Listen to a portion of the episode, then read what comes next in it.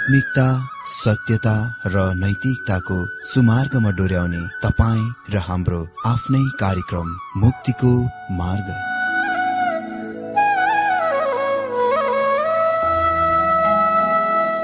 आदरणीय श्रोता यस मुक्तिको मार्ग कार्यक्रममा हार्दिक स्वागत छ। आशा छ यस आत्मिक कार्यक्रमद्वारा जीवनमा आत्मिक आशिष अलौकिक शान्ति र आनन्द प्राप्त गर्नुहुनेछ। र जीवनमा धन्य अनुभव गर्नुहुनेछ। आउनुहोस् श्रोता। मन र आत्माको तयारीको लागि यो मिठो अनि मधुर भजन गीत सुनौ।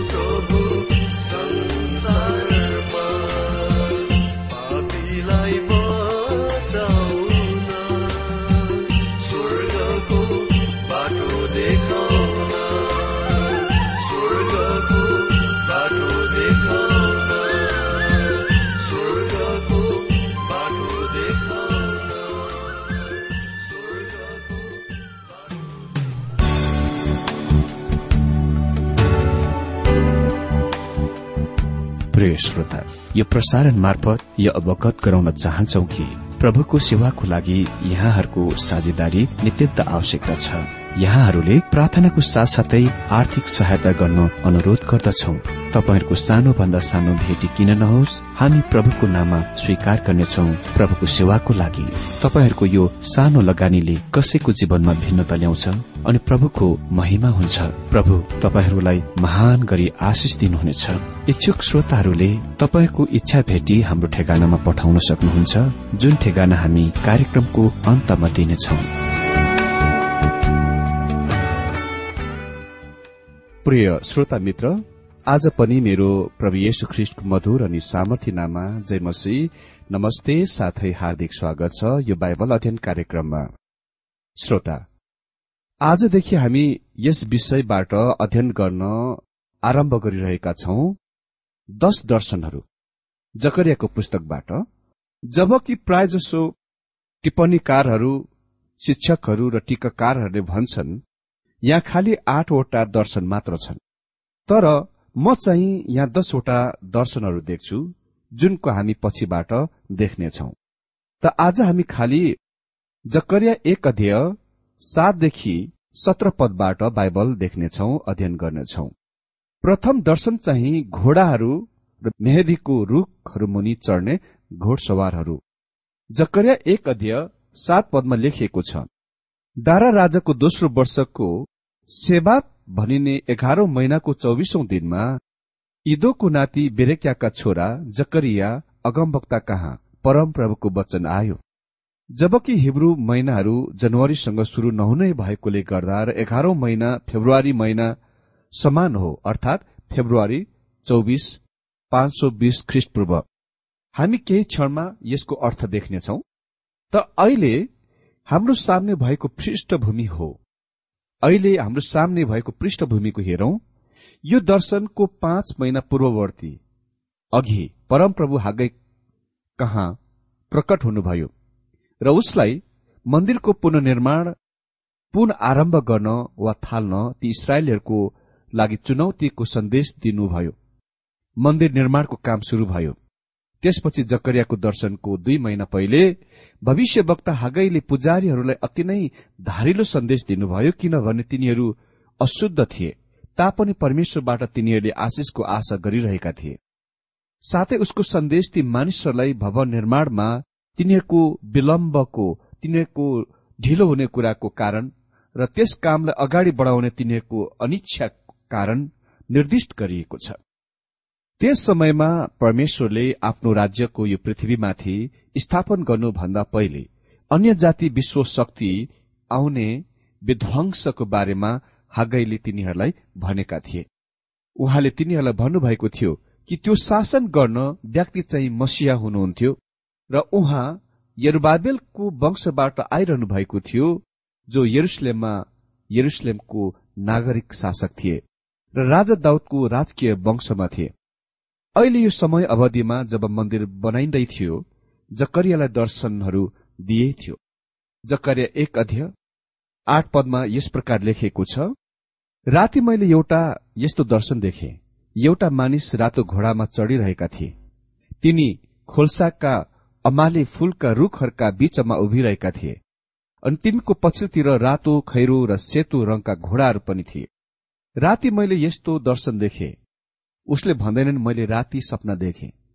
तपाईँलाई यस्तो लाग्न सक्ला वा यस्तो विचार पाउन सक्नुहोला कि जकरियाले यी दर्शनहरू रातमा पाएकोले गर्दा तिनीहरू खालि सपनाहरू थिए। तर उसले यो स्पष्ट पार्दछन् कि तिनीहरू दर्शनहरू थिए। सपनाहरू होइनन्।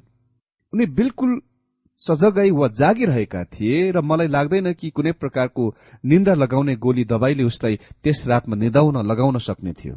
अह हजुर हाम्रा दिनमा परमेश्वर सपनाद्वारा र दर्शनहरूद्वारा बोल्नुहुन्न भन्ने मेरो विचार धारणामा मसँग धेरैजना अलग बेग्लै विचार धारणा बोक्ने मानिसहरू छन्। मसँग सहमत हुँदैनन्। म तिनीहरूलाई ठिकठाक गर्न सोझ्याउन कोसिस गर्दिन जब तिनीहरूले मलाई भन्छन् बितेको रातमा मैले दर्शन देखे। म तिनीहरूलाई खालि यो नै प्रश्न सोध्छु के तिनीहरूले सपनामा दर्शनहरू त देखेका थिएनन्? यदि तिनीहरूले सपनामा दर्शनहरू देखे म तत्कालै जान्दछु कि परमेश्वरले तिनीहरूलाई सन्देश दिनुभएको छैन। तर त्यो सपना कुनै त्यस्तो कुराद्वारा हुन गएको वा हुन आएको थियो उत्पादित भएका थिए जुन तिनीहरूले अघि साँझमा बेलुकीको साँझको भोजन खाएथे वा यो कुनै तिनीहरूले पाएका अनुभवबाट आएथ्यो। निन्द्रामा दिमाग खुकुलो गरिएको हुन्छ र यो सामान्य गरी कुनै हामीले पाएको अनुभवहरूतिर पछाडि टहल पहल गर्दछ। जुनले सपनाको उत्पादन गर्दछ। त्यस कारण म सोच्दछु कि हामी यो कुरामा निश्चय हुन सक्छौ। परमेश्वर सपनाहरूमा हामीसँग अहिले बोल्नुहुन्न। यो कुराको ध्यान देऊ। जकरियाले भने मैले देखे। यो कुरा बुझ्न महत्वपूर्ण छ कि कसरी परमेश्वरले आफै स्वयंलाई यो समयमा यो भविष्यवक्ता कहाँ प्रकट गर्नुभयो। राति मैले एउटा यस्तो दर्शन देखे। एउटा मानिस रातो घोडामा चढिरहेका थिए। यो मानिस को हुन्। यो उहाँको मानव अवतारको अघि वा पहिले पूर्ववर्ती प्रभु येशु ख्रिष्ट हुनुहुन्छ। उहाँ तपाईँ सोच्नुहोला कसरी मैले उहाँ नै हो भनेर यो कुरा जाने त? हजुर उहाँलाई पद एघार र बाह्रमा परमप्रभुको दूतको रूपमा पहिचान गरिएको छ चिनिएको छ। त्यसकारण पुरानो नियममा परमप्रभुको दूत नयाँ नियमको प्रभु येशु ख्रिष्ट हुनुहुन्छ। उहाँ उपस्थितको स्वर्गीय दूत हुनुहुन्छ। उहाँ स्वयं यहोवा मसिया हुनुहुन्छ। यहाँ ख्रिष्टको पुनर्वर्ती अवतारमा जकरियाले उहाँलाई यो संसारभरि पहरा दिइरहनु भएको देखे। अहिले यो सत्य छ कि शैतानलाई यो संसारको राजकुमार भनिन्दछ। यसको मतलब यो विश्व प्रणालीको यो विश्व संसारको संसारिकता शारीरिकता सबै शैतानको नियन्त्रण मुनि छ अधिकार मुनि छ। तर परमेश्वरले यो पृथ्वी शैतानलाई दिनुभएको छैन। अरू त के यस क्षणमा पनि प्रभु येशु ख्रिष्ट छायामा उभिनु भएर आफ्ना जतिहरूलाई पहरा दिइरहनु भएको छ। यहाँ जकरियाको दर्शनमा विशेष गरेर इसरायल राष्ट्रमाथि उहाँ पहरा गरिरहनु भएको छ।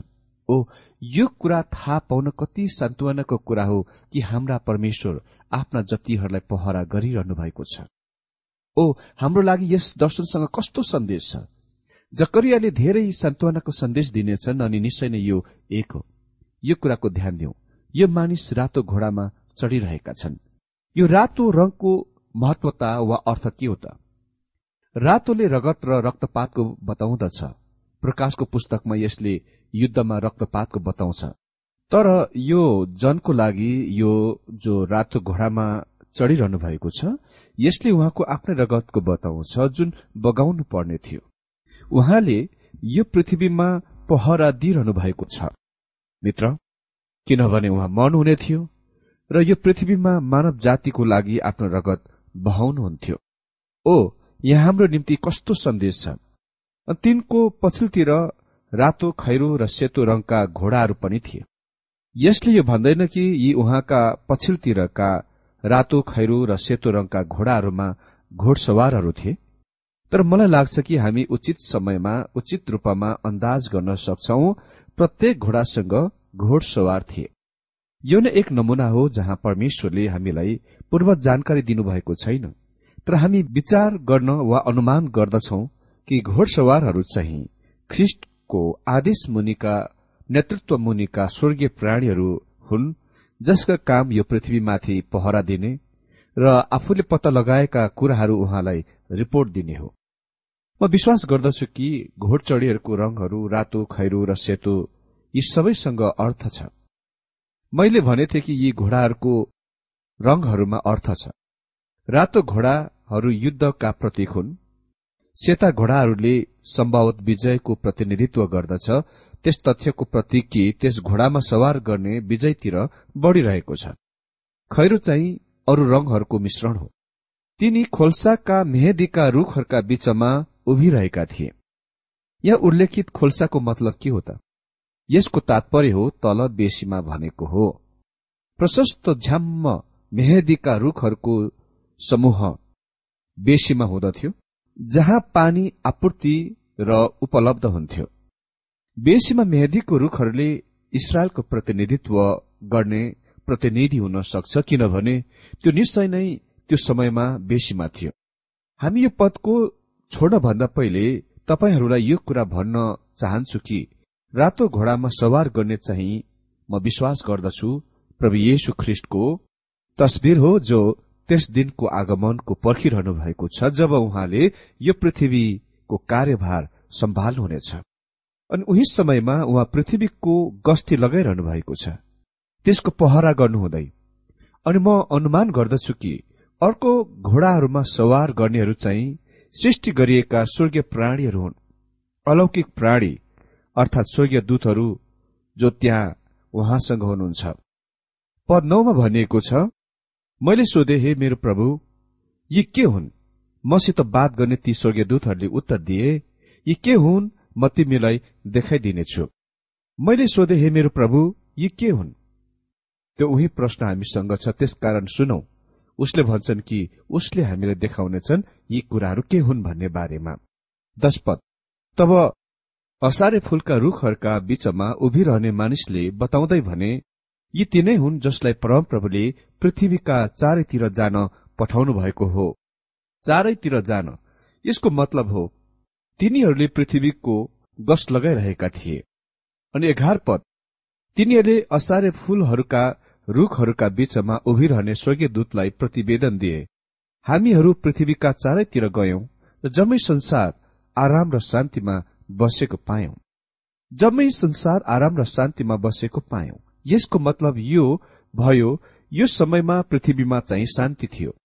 यो अति नै असल सुनै पर्दछ किनभने रेकर्ड गरिएको पाँच हजार वर्षको इतिहास अवधिमा त्यहाँ करिब दुई सय मात्र शान्तिको वर्ष भएको पाउँदछौ। मानिस युद्ध प्रेमी युद्धका मानिसहरू हुन्। उसको हृदयमा युद्ध लडाई छ। त्यसकारण यो शान्ति अवधि निश्चय नै असल अद्भुत सुनाइ पर्दछ। तर त्यो कुन प्रकारको शान्ति थियो? यो त्यस प्रकारको शान्ति थियो जुन त्यति लामो समयसम्म रहिरहन सकेन बाह्र पद। तब परमप्रभुका दूतले भने सर्वशक्तिमान परमप्रभु यी सत्तरी वर्षसम्म तपाईँ यरुसलेम र यहुदाका नगरहरूसँग रिसाउनु भएको छ। तपाईँ कहिलेसम्म तिनीहरूमाथि आफ्नो दया रोकिराख्नुहुन्छ? यी सत्तरी वर्षसम्म तपाईँ यरुसलेम र यहुदाका नगरहरूसँग रिसाउनु भएको छ। यसको मतलब सत्तरी वर्षसम्म। यरुसलेम विध्वंसमा भग्नावशेषमा कंकड र खरानीहरूमा हुनेछ। तर अहिले इसरायलका बाँकी बच्चेकाहरू जो आफ्ना मुलुक इसरायलमा फर्किआएथे पुननिर्माण गर्न शुरू गरिरहेका छन्। अनि चितकार पुकार यो छ। परमेश्वरले हामी कहाँ वास्तविक शान्ति ल्याउन भन्दा पहिले त्यो कति लामो समयसम्म रहनेछ त वा हुनेछ त भनेर। परमेश्वरले स्पष्ट पार्नुहुनेछ कि उहाँ ती राष्ट्रसँग बेखुसी हुनुभएको छ जो यस समयमा शान्तिमा छन् र यरुसलेमको दुर्दशालाई उपेक्षा अनि व्यवस्था गरेका छन्। परमेश्वर यरुसलेमको लागि डाही हुनुहुन्छ र विश्वका सम्पूर्ण राष्ट्रहरू प्रति चासो नदेखाउनेहरू छन्। परमेश्वर यरुसलेममा कृपाहरूसँग फर्कनु भएको थियो र राष्ट्रसँग उत्तरदायित्व पनि छ। तर राष्ट्रहरू शान्ति र आराममा छन्। यद्यपि तिनीहरू त्यति लामो समयसम्म शान्तिमा नरहे तापनि मेरो मित्र यससँग हाम्रो वर्तमान विश्व परिस्थितिसँग पनि लागू छ। विश्वले कहिले पनि स्थायी शान्ति पाउन सक्ने छैन जबसम्म प्रभु यरुसलेममा शासन गरिरहनुहुने छैन। किनभने उहाँ शान्तिको राजकुमार हुनुहुन्छ। उही समयमा उहाँले दिनुहुने शान्ति चाहिँ पापहरूको क्षमा दिइएकोले गर्दा परमेश्वरसँगको शान्ति हो मिलाप हो। यदि हामी परमेश्वरसँग सही ठिक भए हामी हाम्रा छिमेकीहरूसँग र अरू त के राष्ट्रहरूको बीचमा शान्ति पाउन सक्छौ? विश्वले ख्रिस्टबाट अलग भएर ख्रिस्टबाट सिवाय शान्ति पाउन सक्दैन। यरुसलेम विश्व शान्तिको चाबी हो। जकरियाको दिनमा विश्वले शान्ति पाउन र यरुसलेमलाई उपेक्षा व्यवस्था गर्न कोसिस गरिरहेको थियो। यो मादी फारसद्वारा विश्व अधिपत्यको अवधि थियो। तपाईँलाई याद होला बेबिलोनले दुवै मिश्र र असुरीलाई पतन गर्यो परास्त गर्यो। त्यसपछि मादी फारसले बाबिल साम्राज्यलाई परास्त गर्यो। र इन्दस नदीदेखि लिएर भूमध्य सागरसम्म र कालो समुद्र र क्यास्पियन समुद्रका आसपासका हिउँले ढाकेका पहाड़ पर्वतहरूदेखि लिएर सहारा मरूभूमिको जलाउने बलुवासम्म शासन गरिरहेका थिए। तिनीहरूका अधिपत्यले संसारमा छोटो अवधिको लागि शान्ति ल्याएथ्यो। त्यसपछि केही समयपछि पश्चिमबाट अलेक्जेन्डर महान आए र मादी फारा साम्राज्यलाई पनि आफ्नो कुशल रणकौशलद्वारा परास्त गर्यो। शान्ति कहिले पनि स्थायी रूपमा टिक्न सकेन किनभने यरुसलेम सहर शान्तिको चाबी थियो। बाह्र पदमा लेखिएको छ तब परमप्रभुका दूतले भने सर्वशक्तिमान परमप्रभु यी सत्तरी वर्षसम्म तपाईँ यरुसलेम र यहुदाका नगरहरूसँग रिसाउनु भएको छ। तपाईँ कहिलेसम्म तिनीहरूमाथि आफ्नो दया रोकिराख्नुहुन्छ? अनि तेह्र पद यसैले मसित बात गर्ने स्वर्गीय दूतलाई परमप्रभुले सान्त्वनाका वचन भन्नुभयो। ध्यान दिउ कि यी कुरा असल वचनहरू र सान्त्वनाका वचनहरू थिए जुन ती कैदबाट आफ्नो मुलुकमा फर्किआउने इसरायलीहरूलाई अति नै मदतगार थियो। यस समय अवधिमा हागाईले त्यस दण्डको घोषणा गरिरहेका थिए तर जकरियाले चाहिँ सान्त्वनाको परमेश्वरको सन्देश दिइरहेका थिए।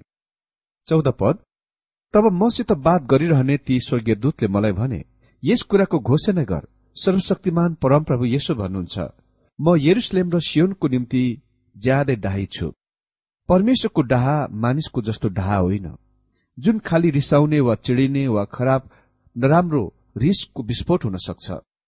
तर मानिसको डाहा त्यस कुराको लागि तीव्र उत्तेजक मनोवेग हो जुन तिनीहरूका आफ्नै हो र त्यो तिनीहरूको निम्ति अति नै प्रिय कुरा हुन्छ र हुन सक्छ। त्यसलाई तिनीहरूबाट छिनी लगिएको छ। हुन सक्छ त्यो चाहिँ परमेश्वरको ढासँग चाहिँ मिल्दोजुल्दो हुन सक्छ। भन्नुहुन्छ यरुसलेम र सियोनको निम्ति म ज्यादै डाही छु। यरुसलेम उहाँको सहर हो र इसरायलीहरू उहाँका मानिसहरू हुन्। हाम्रा दिनहरूमा पनि इसरायलप्रति विश्वव्यापी अत्याचार र घृणाको राम्ररी जान्नुहुन्छ। उहाँ उहाँका मानिसहरूको निम्ति अति नै धेरै डाही हुनुहुन्छ। म विश्वास गर्दछु कि भविष्यमा परमेश्वर तिनीहरूका पक्षमा हुनु भएर चाल चल्न अघि बढ्न गइरहनु भएको छ। विश्व अघि पनि र अहिले पनि तिनीहरूलाई त्याग्न तयार छन्। पन्ध्र पदमा लेखिएको छ तर सुरक्षा अनुभव गरी बस्ने जाति जातिहरूसित म साह्रै क्रोधित भएको छु। म त केही मात्र क्रोधित भए तर यिनीहरूले संकष्टलाई झन बढाइदिए। म त केही मात्र क्रोधित भए यसको मतलब परमेश्वरको ताडना छोटो अवधिको लागि इरादा गरिएको थियो तर विश्वका राष्ट्रहरू त्यसको इसरायलका सर्वनाश चाहन्थ्यो। अनि सोह्र पदमा भनिएको छ यसै कारण परमप्रभु यसो भन्नुहुन्छ कृपासहित म यरुसलेममा फर्कनेछु। त्यहाँ मेरो भवनको पुननिर्माण हुनेछ। यरुसलेममा नाप्ने डोरी तन्काइनेछ। सर्वशक्तिमान परमप्रभु भन्नुहुन्छ। कृपा सहित म यरुसलेममा फर्कनेछु। परमेश्वर आफ्ना मानिसहरूसँग कृपामा व्यवहार गर्न फर्क्याउनु भएको थियो। शास्त्रले हामीलाई भन्दछ उहाँ कृपामा धनी हुनुहुन्छ। यरुसलेममा नाप्ने डोरी तन्काइनेछ त्यहाँ कोही कोही छन् जसले विश्वास गर्दछन् कि यो यरुसलेममा नाप्ने डोरी तन्काइने कुराको अर्थ यो हो यरुसलेममा ठूला ठूला विशाल बिल्डिङ अचानक बढ्नेछन् र त्यो फैलिनेछ र त्यस दिनमा विशाल सहर बन्दछ म सोच्दछु त्यो सम्भव सत्य होला। तर शास्त्रहरूमा जहिले पनि हामी कुनै मानिसलाई नाप्ने लौरो वा डोरीसँग देख्छौ। यसको मतलब हो कि परमेश्वर सिधै त्यस विशेष मामलामा सधैँ अगाडि बढ्न चाल चल्न तयार भइरहनु भएको छ। यस मामलामा इसरायल चाहिँ भर्खरै सत्तरी वर्षको बाबेलको कैदबाट फर्किआएका थिए र परमेश्वर फेरि आफ्ना मानिसहरू कहाँ फर्किरहनु भएको छ। अर्थात उहाँ ती मानिसहरू कहाँ फर्किरहनु भएको छ जो उहाँ कहाँ फर्केका छन्। पृथ्वीका सम्पूर्ण राष्ट्रहरूले यो बुझ्नु पर्दछ कि पृथ्वीमा कहिले पनि शान्ति हुने छैन जबसम्म यरुसलेममा शान्ति हुँदैन। त्यो नै यो पृथ्वीमा शान्तिको चाबी हो। के हामीले यी बितेका केही सालहरूमा यो कुरा स्पष्ट भएका देखेका छैनौ र? इसरायल राष्ट्र बनेपछिका घटित घटनाहरूले के यरुसलेम लाई यो संकेत गरेको छैन? त्यस सानो राष्ट्रले तेल संकष्टको शुरूमा विश्वमा अति नै कम मित्रहरू भएको भेटाए। तिनीहरूले सोचेका मित्र राष्ट्रहरूले तिनीहरूलाई छोडे त्यागे किनभने तिनीहरू इसरायलको मित्रता भन्दा धेरै तेलको चाहन्थे तर निश्चय नै आधुनिक इसरायल राष्ट्र त्यहाँ आज विशाल विशाल भवन बिल्डिङहरू एक्कासी बढे तापनि त्यो परमेश्वरतिर फर्किआएको छैन। तिनीहरू केही संख्यामा आफ्नो मुलुकमा फर्किआएका छन् र सहरहरू बनाउन शुरू गरे। तिनीहरू आफ्नो जाति आफ्नो राष्ट्र र धर्ममा गर्व गर्दछन्। तर पनि तिनीहरू अझै अविश्वासमा पूरा संसारभरि छरपट्ट छरिएर रहेका छन्। अनि तिनीहरूले अझै सतावट भोगिरहेका छन्। तर यरुसलेमको शान्ति विश्व शान्तिको चाबी हो कुञ्जी हो। तपाई बितेका इतिहासमा जाँच्नु भए यसको देख्न सक्नुहुन्छ। र यो निश्चय नै सत्य कुरा हो कि यरुसलेम भविष्यको भविष्यवाणीहरूमा ठूलो महत्वको छ। भजन संग्रह एक सौ बत्तीसको तेह्र र चौध पदमा लेखिएको छ किनभने परमप्रभुले सियोनलाई छान्नु भएको छ। उहाँले त्यसलाई आफ्नो निवासको निम्ति चाहनु भएको छ। यो सदाको निम्ति मेरो विश्राम स्थान हो।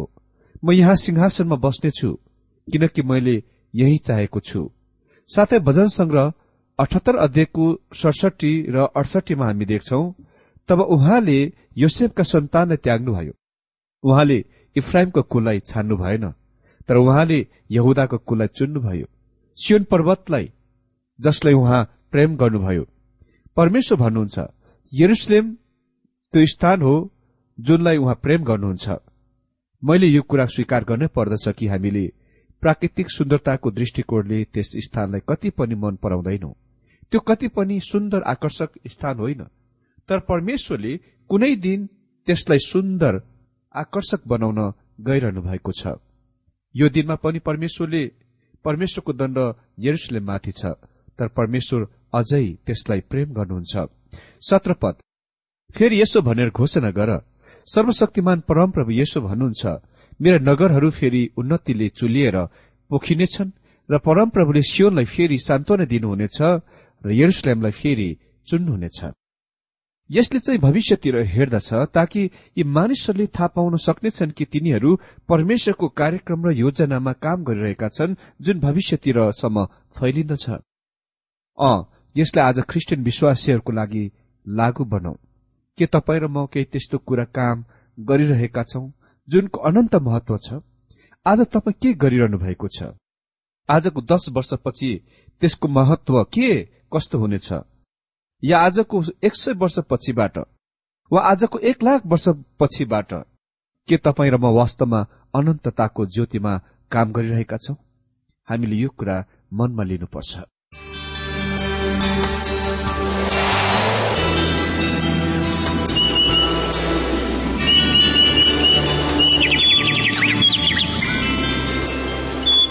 प्रिय श्रोता अहिले भर्खरै तपाईँले टीडब्ल्यूआर नेपालद्वारा सञ्चालित आत्मिक कार्यक्रम मुक्तिको मार्ग सुनिरहनु भएको थियो। श्रोता आजको यो कार्यक्रम सुनेर तपाईँलाई कस्तो लाग्यो? यदि यो कार्यक्रम सुनेर मनमा कुनै खुल्दुली वा कुनै प्रतिक्रिया अर्थात सुझावहरू छन् भने हामीलाई पत्रद्वारा लेख्न सक्नुहुनेछ।